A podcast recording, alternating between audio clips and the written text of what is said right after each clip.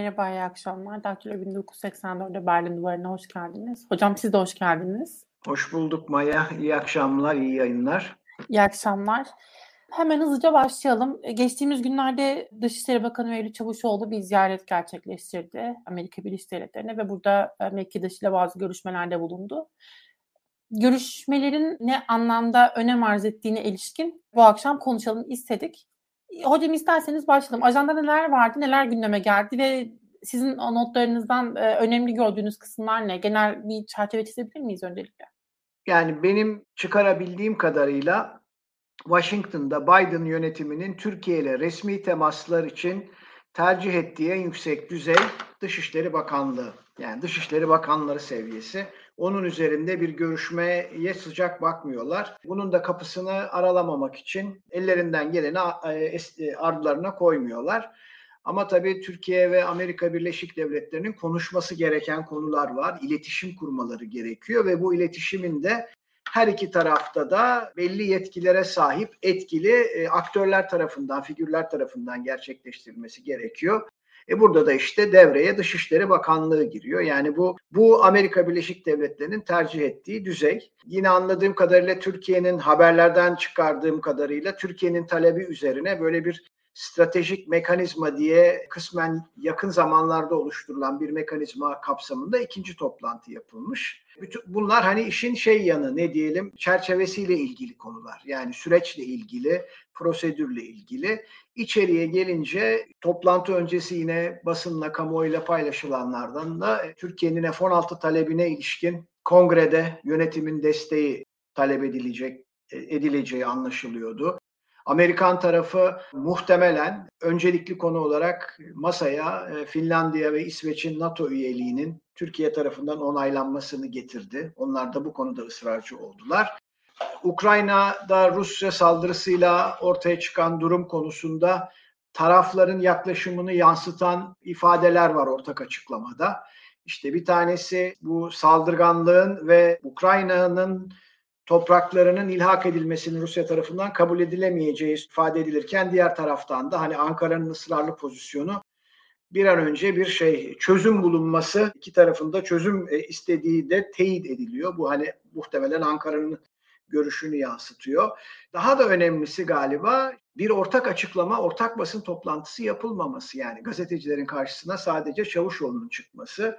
Bu da bize görüşmelerin her iki taraf için de arzu edilen neticeyi, e, neticeleri getirmemiş olabileceğini e, düşündürüyor bu durum bize. Zaten özlü bir şey yok ve en de çarpıcısı tabii bu görüşmenin üzerinden 24 saat neredeyse geçmeden e, Blinken'ın Finlandiya ve İsveç Dışişleri Bakanlarını telefonla arayarak bu ülkelerin bir an önce NATO'ya katılmalarının zamanının geldiğini ve adı anılmadan, adı zikredilmeden Türkiye'nin bu süreci ne diyelim yavaşlatan ülkelerin ülkeleri de bir uyarı mahiyetinde bir mesaj verdikleri söylenebilir.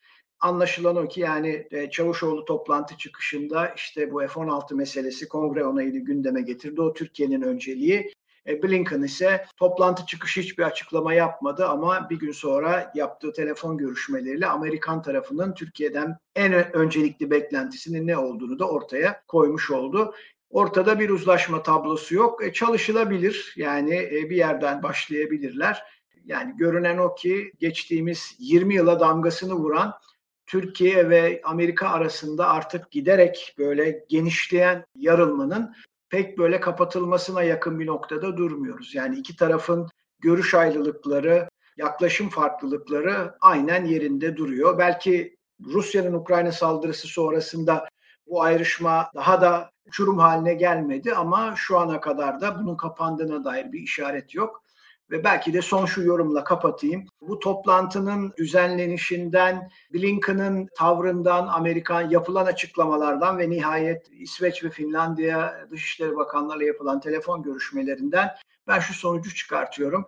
Seçimlere dek, seçimlerin sonucunu göre, görene dek Amerikan yönetiminden Türkiye ile ilgili özlü bir hamle gelmeyecek diyebiliriz. Benim şahsi görüşüm, şahsi okumam bu. Özellikle de Cumhurbaşkanı Erdoğan'a içeride seçimlerdeki başarısı için kullanabileceği bir diplomatik öykü, diplomatik bir şey, kazanım vermiş gibi görünmek istemiyorlar. Dolayısıyla şu an için hani futbol tabiriyle zamanı oynuyorlar. Yani 90 dakikanın bitimine oynuyor Amerikalılar. İşte bu 90 dakikada eğer e, yapılan açıklamalara uyulursa yani oradaki takvim gözetilirse 14 Mayıs'ın sonrasını beklememiz gerekecek. Türk-Amerikan ilişkilerinde yaşanacak iyileşme ya da kötüleşme için. Tam başlangıçta çok önemli bir noktaya değindiniz aslında. O da şu, biz bir türlü Cumhurbaşkanı Erdoğan'ın e, bir Amerika ziyareti yapmadığını görüyoruz, davet edilmediğini anlıyoruz. Biden'ın gelip gelmediğini hatırlamıyorum açıkçası ama iki liderin farklı marjlarda, NATO marjında görüştüğünü biliyoruz. Bu dış politikayı hiç bilmeyen, uluslararası ilişkileri hiç takip etmeyen kişiler adına sormak istiyorum aslında bunu, izleyicilerimiz adına sormak istiyorum. Bu iki ülke arasında nasıl bir anlama tekabül eden, nasıl bir anlam barındırır kendi içinde? Bunu biraz açabilir miyiz hocam? Yani şey bir göstergedir, üst düzey temaslar bir göstergedir. İlişkilerin termometresidir Amerikan başkanlarının Türkiye'yi ziyaret edip etmedikleri. Bütün Soğuk Savaş boyunca bir tek Eisenhower ziyaret etmiştir Ankara'yı. Yani Ankara'yı ziyaret eden ilk ve tek e, Amerikan Cumhurbaşkanı olmuştur Soğuk Savaş'ta. Soğuk Savaş'tan sonra ilginç bir şekilde Türkiye'ye bu tür üst, üst düzey ziyaretler adeta gelenek olmuştur. Yani şeyden başlayarak, Clinton'dan başlayarak Bush, yani oğul Bush, hatta oğul Bush çok tartışmalı böyle Galatasaray Üniversitesi'nin şeyinden deniz kıyısındaki bahçesinden Ortaköy Camii'ni ve Boğaziçi Köprüsü'nü gösteren bir manzarada konuşma dahi yapmıştı o gezisinde ve tahmin ediyorum en belki de yüksek profilli olan gezi Obama'nın yaptığı geziydi 2009 yılında. Türkiye'ye yaptığı gezi ki ilk resmi gezisi için Türkiye'yi Ankara'yı tercih etti şey Barack Obama. Çünkü 11 Eylül sonrası dünyada özellikle neokonların o giriştiği maceracılık batı dışı toplumlarda Amerika ve batı karşıtlığını körüklemişti. Hani buna bir çare olarak Türkiye'nin önemini göstermek amacıyla böyle bir seyahat yapmıştı Obama. Obama Türkiye'yi ziyaret eden son ABD başkanı oldu. Trump'ın hiç öyle bir niyeti olmadı zaten. Yani belki de gelmediği daha da iyi oldu. Çünkü öyle bir seyahatte verebileceği zarar çok büyük olurdu. Biden ise böyle bir şeyi konuyu gündemine dahi almıyor. Biden yönetiminin en çarpıcı farkı bu tür gezilere ilişkin. Hani Trump Türkiye'yi ziyaret etmedi ama Cumhurbaşkanı Erdoğan birkaç kere Amerika'da görüştü Trump'la. Baş başa görüştüler. Biden henüz ikili görüşmelere yani resmi Türk-Amerikan ikili görüşmelerine yeşil ışık yakmış değil. Sözünü ettiniz işte NATO zirvelerinde, G20 toplantılarında böyle marjlarda yani toplantının şeyinde, toplantı çerçevesinde bir kenarda zaman zaman görüşmeler yapıyorlar. Benim anımsadığım kadarıyla da en son Bali'de bir görüşme yaptılar ve orada da konu Türkiye'nin F-16 talebi ve Finlandiya ve İsveç'in NATO üyeliğinin Türkiye tarafından onaylanmasıydı. Biden bu tutumunu muhtemelen değiştirmeyecek. Yani Amerikan yönetimi Türkiye ile ilişkileri yeniden tasarlamak ve kurgulamak için olası bir iktidar değişikliğini bekliyor. Değişmediği takdirde Cumhurbaşkanıyla görüşmeme politikasını sürdürmeleri ve dolayısıyla da Türk-Amerikan ilişkilerinin stratejik ayağının daha da zayıfladığını görebiliriz bu süreçte. Başkanların Türkiye'ye ziyaret etmemesi Türkiye'nin Amerikan politikası açısından eski önemde olmadığını gösteriyor. E, Amerikan başkanının Türk Cumhurbaşkanı ile Türkiye'nin en yetkili ismiyle görüşmeyi reddetmesi yani ona bir meşruiyet kazandırmaktan kaçınma çabası da okunabilir. E, bu politika devam ettiği sürece de iki tarafın iletişim kurması, aynı dili konuşması, benzer kaygıları paylaştıklarını ortaya koyması pek mümkün olmuyor. Bu da güven krizini giderek derinleştiriyor ki bu güven krizi aslında 1 Mart 2003'te Türkiye Büyük Millet Meclisi'nin işte bu meşhur tezkereyi onaylamamasıyla ortaya çıkmıştı ve o günden beri de bu güven krizi aşılmak bir yana daha da derinleşti. Türkiye ve Amerika artık pek çok meselede çok farklı çok farklı düşünüyorlar. Çok farklı politikalar izliyorlar. Kendileri için tanımladıkları çıkarları da çoğu zaman çelişiyor. Bağdaşmaktan çok. E, çelişen çıkarlar üzerine de bir ittifak ilişkisini sürdürmek çok zor olur gibime geliyor. Yani önümüzdeki birkaç sene içinde bu ittifakın e, miadının dolup dolmadığını daha iyi görebileceğiz. E, ama şu ana kadar gördüklerimiz pek bu anlamda umut vaat etmiyor. Başlıkları biraz e, derinleştireyim istiyorum. Derinleştirelim istiyorum. Konulara biraz daha ayrıntısına girelim istiyorum. En önemli başlıklardan bir tanesi aslında bahsettik. F-16'lar meselesi. Ama biz F-16 meselesine de bir günde gelmedik. F-35'ler aslında söz konusuydu. Şimdi şunu anlamak istiyorum. F-16'lar sıklıkla bir ajanlara dillendiriliyor. En üst düzeydeki isimler tarafından sıklıkla konuşuluyor. F-16'lar Türkiye için neden önemli? F-35'ler Yunanistan'a temin edilmişken. Küçük bir düzeltmeyle başlayayım. F-35'ler Yunanistan'a henüz temin edilmedi. Ama Yunanistan F-35 satın almak niyetini Amerika Birleşik Devletleri'ne bildirdi.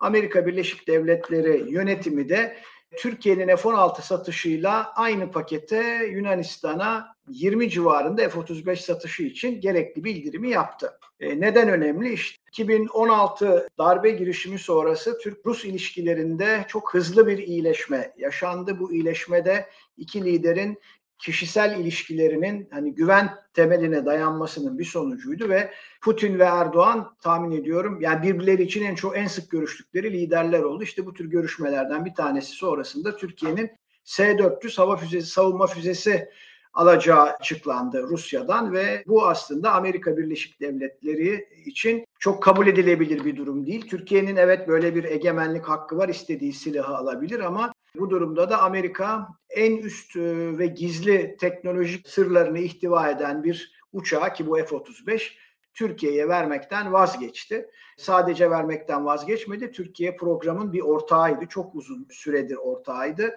Ve Türkiye'nin hava kuvvetleri ve havacılık ve uzay sanayi aslında F-35 halkasıyla birlikte başka bir noktaya evrilmeyi planlıyordu. Bu SO-400 alım kararı ile birlikte F-35 halkası bir anda kopu verdi. Bu da Türkiye'nin hava gücüne ilişkin bütün planlarını alt üst etti. Bir kırılmaya yol açtı.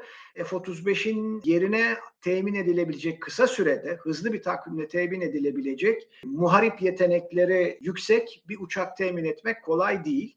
F-35 zaten masada yok. Artık müşteri olarak bile Türkiye'nin F-35'e sahip olması S-400'ler Türkiye'de olduğu sürece Amerikalıların birinci koşulu bu.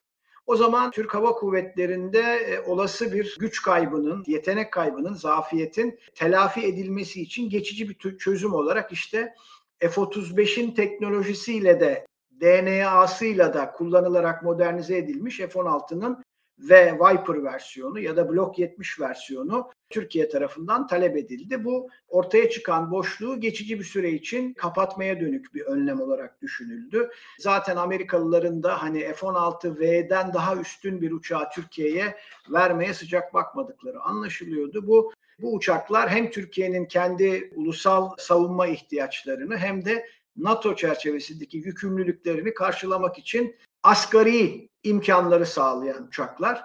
Dolayısıyla temin edildikleri takdirde Türk hava gücünün en azından mevcut seviyesini koruması için gerekli ve yararlı olacaklar. Bunlar temin edilemediği takdirde o F-35 e, programından çıkarılmış olmanın yarattığı kırılmaya bir de işte alternatif bir e, hava gücü geliştirme güzergahı oluşturma yükü çıkacak. Çünkü artık Amerika'dan bu tür uçakları alamayacaksanız yüksek teknolojili hava gücünüzü, hava kuvvetlerinizi başka bir sisteme göre kurgulamanız gerekiyor.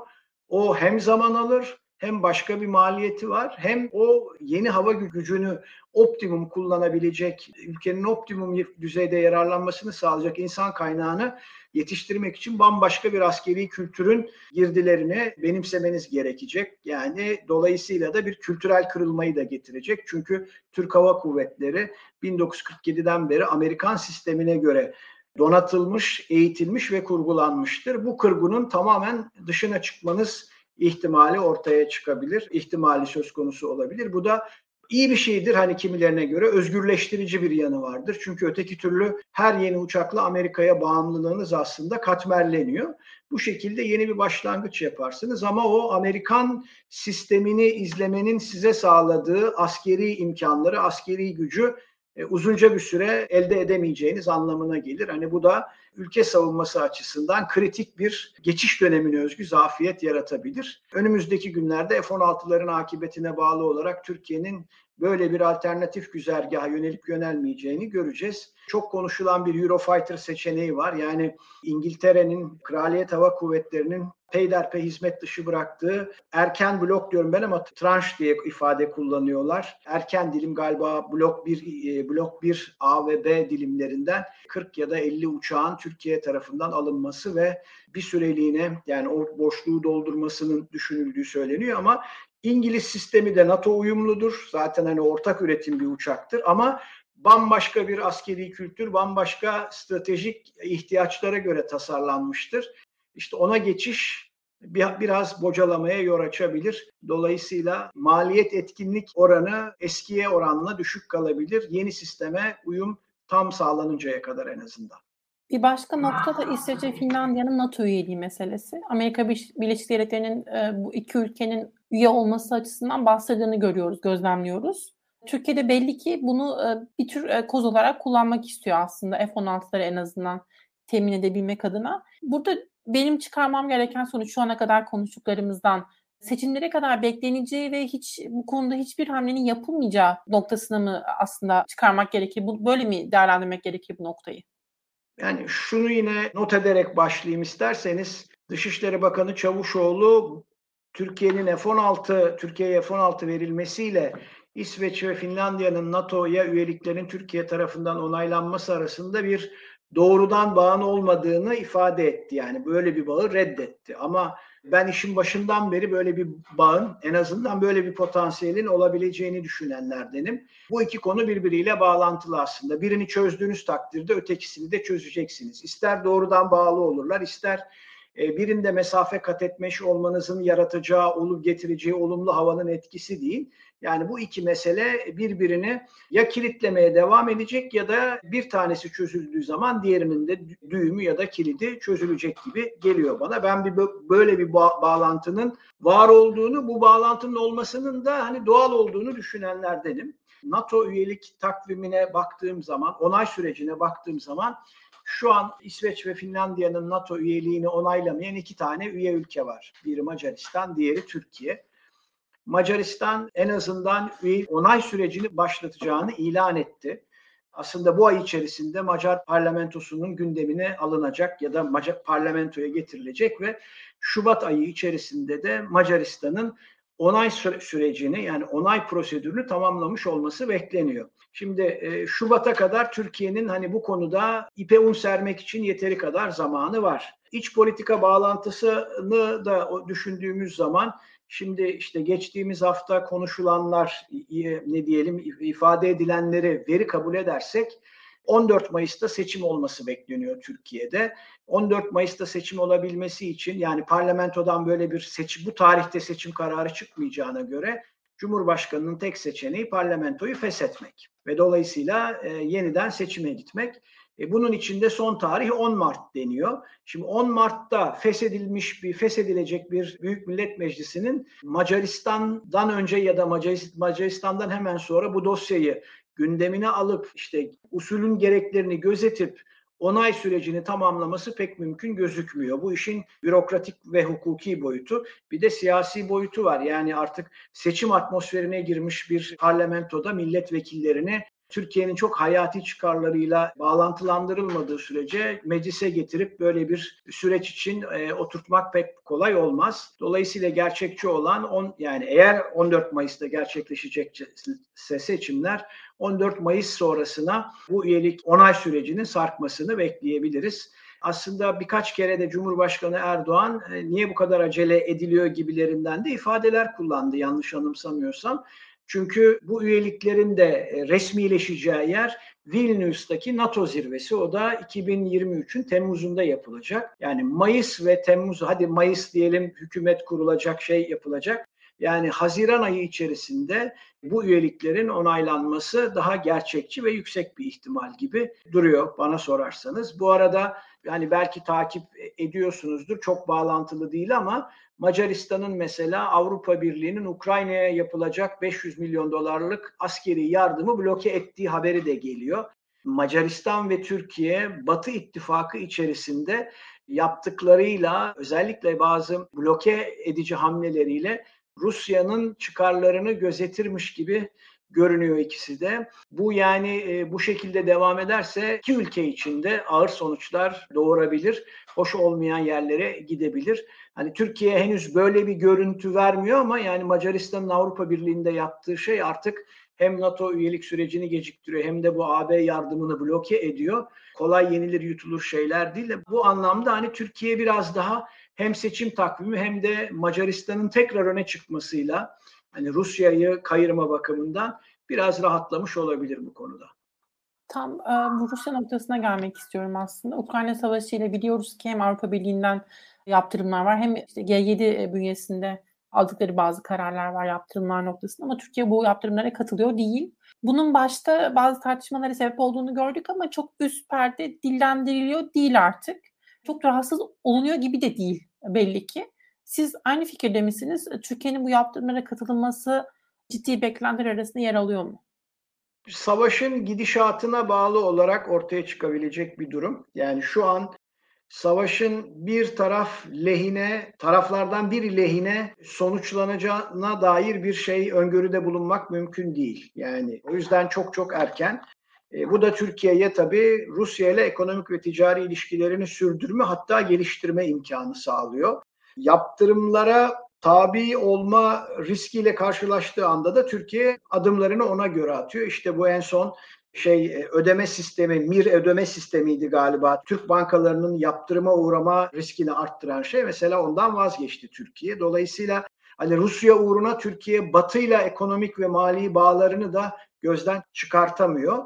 Ve şu ana kadar da yani Türkiye'nin Ukrayna savaşında bir NATO müttefiki olarak tutumu sanki bu yaptırımlara uymaması ve Rusya ile ticarete devam etmesini gölgeleyecek ya da önemsizleştirecek bir boyutta. Az önce bir infografik düştü önüme. İşte Türkiye'nin Ukrayna'ya askeri katkıları diye yani hiç yabana atılmayacak miktarda yüksek teknolojili silah ve mühimmat ve askeri malzeme gönderdiği ortaya çıkıyor Ukrayna'ya Türkiye'nin.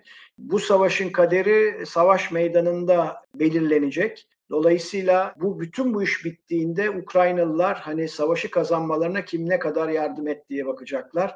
NATO müttefikleri de ona bakacaklar. Tam da bu konjonktürde projektörlerin altında olan ülke Türkiye değil NATO'da.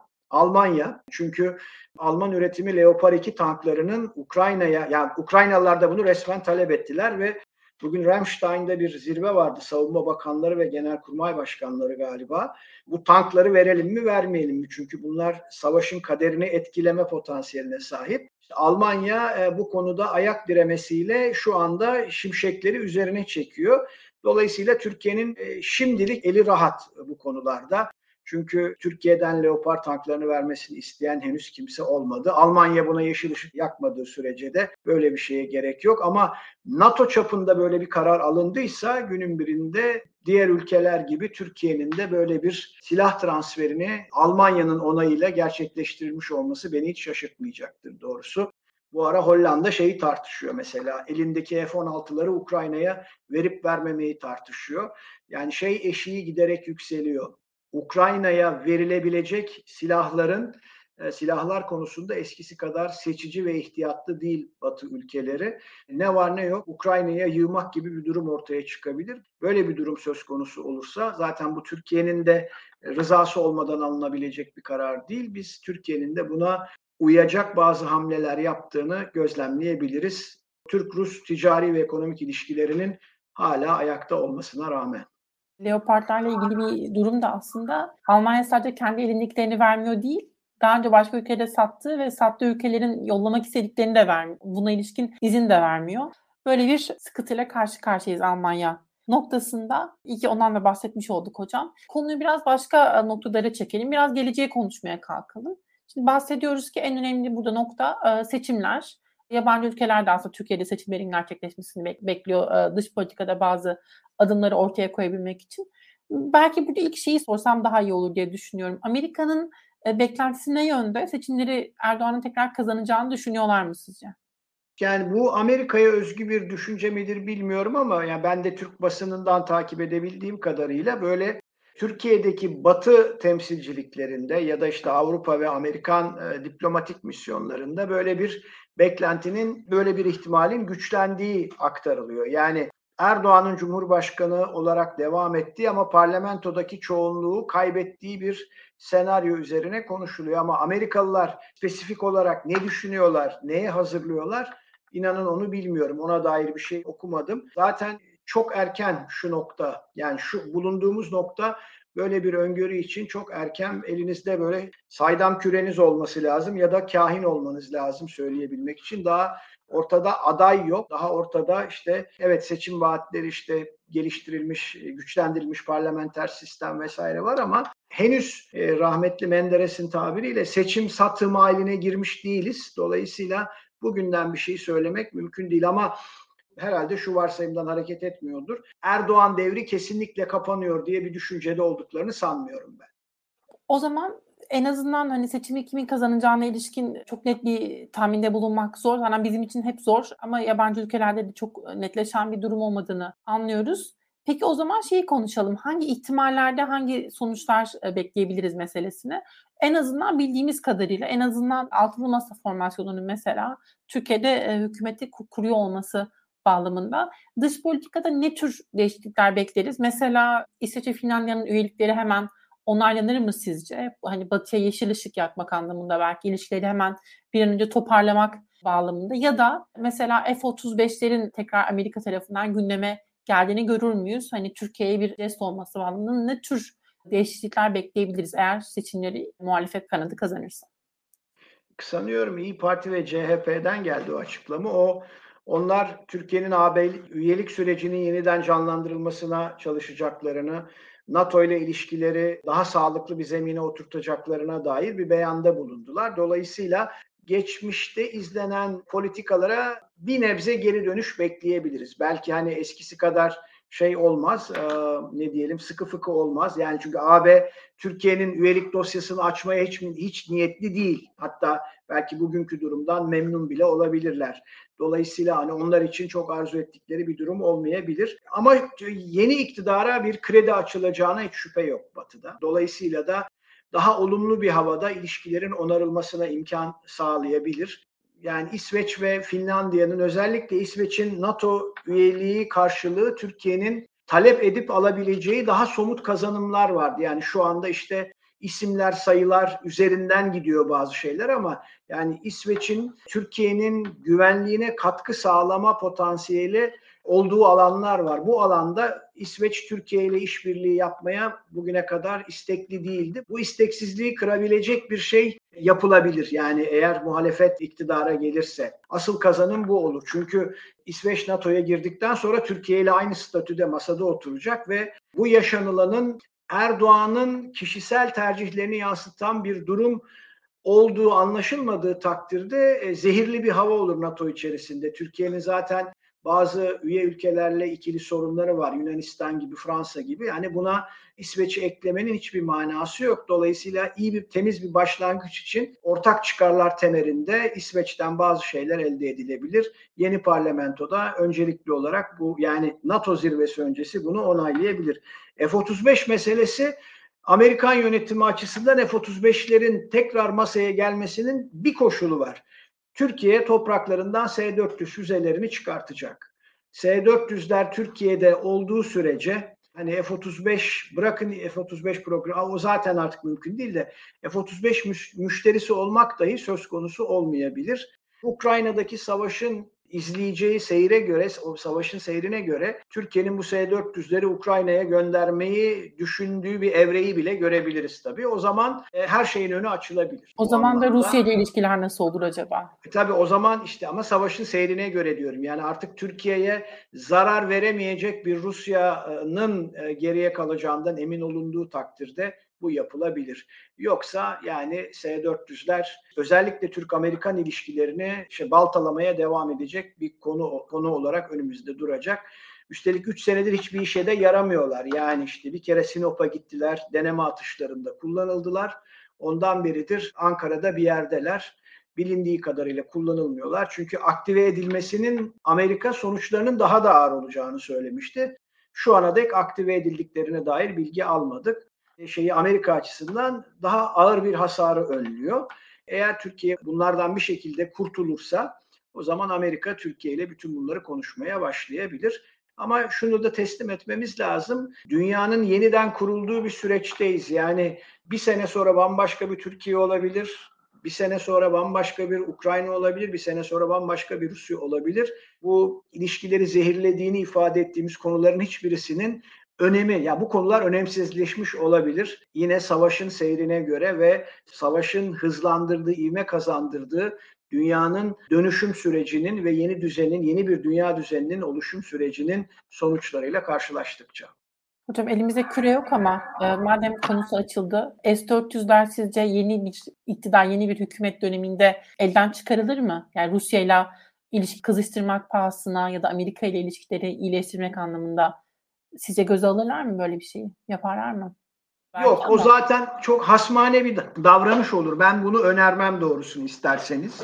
Yani Rusya'nın Türkiye'ye zarar verme imkanı mevcut ve bu imkanları yani Rusya'nın düşmanlığını gereksiz yere çekmenin alemi yok. Yani bu hani Rusya'ya karşı bir hasmane davranış olur. Buna gerek yok. Ama e, yani Hocam ama illa, illa Ukrayna'ya yollamak değil ama. Yani bir şekilde elden işte çıkarmak artık bilmiyorum nasıl. Rusya'nın rızasıyla yapmanız lazım bunu. Şimdi Rusya açısından en en elverişlisi de bu sistemleri geri alması. Çünkü Suriye'deki S-300'lerini bile kaydırdı tekrar Rusya, e, şeye e, Rusya'ya.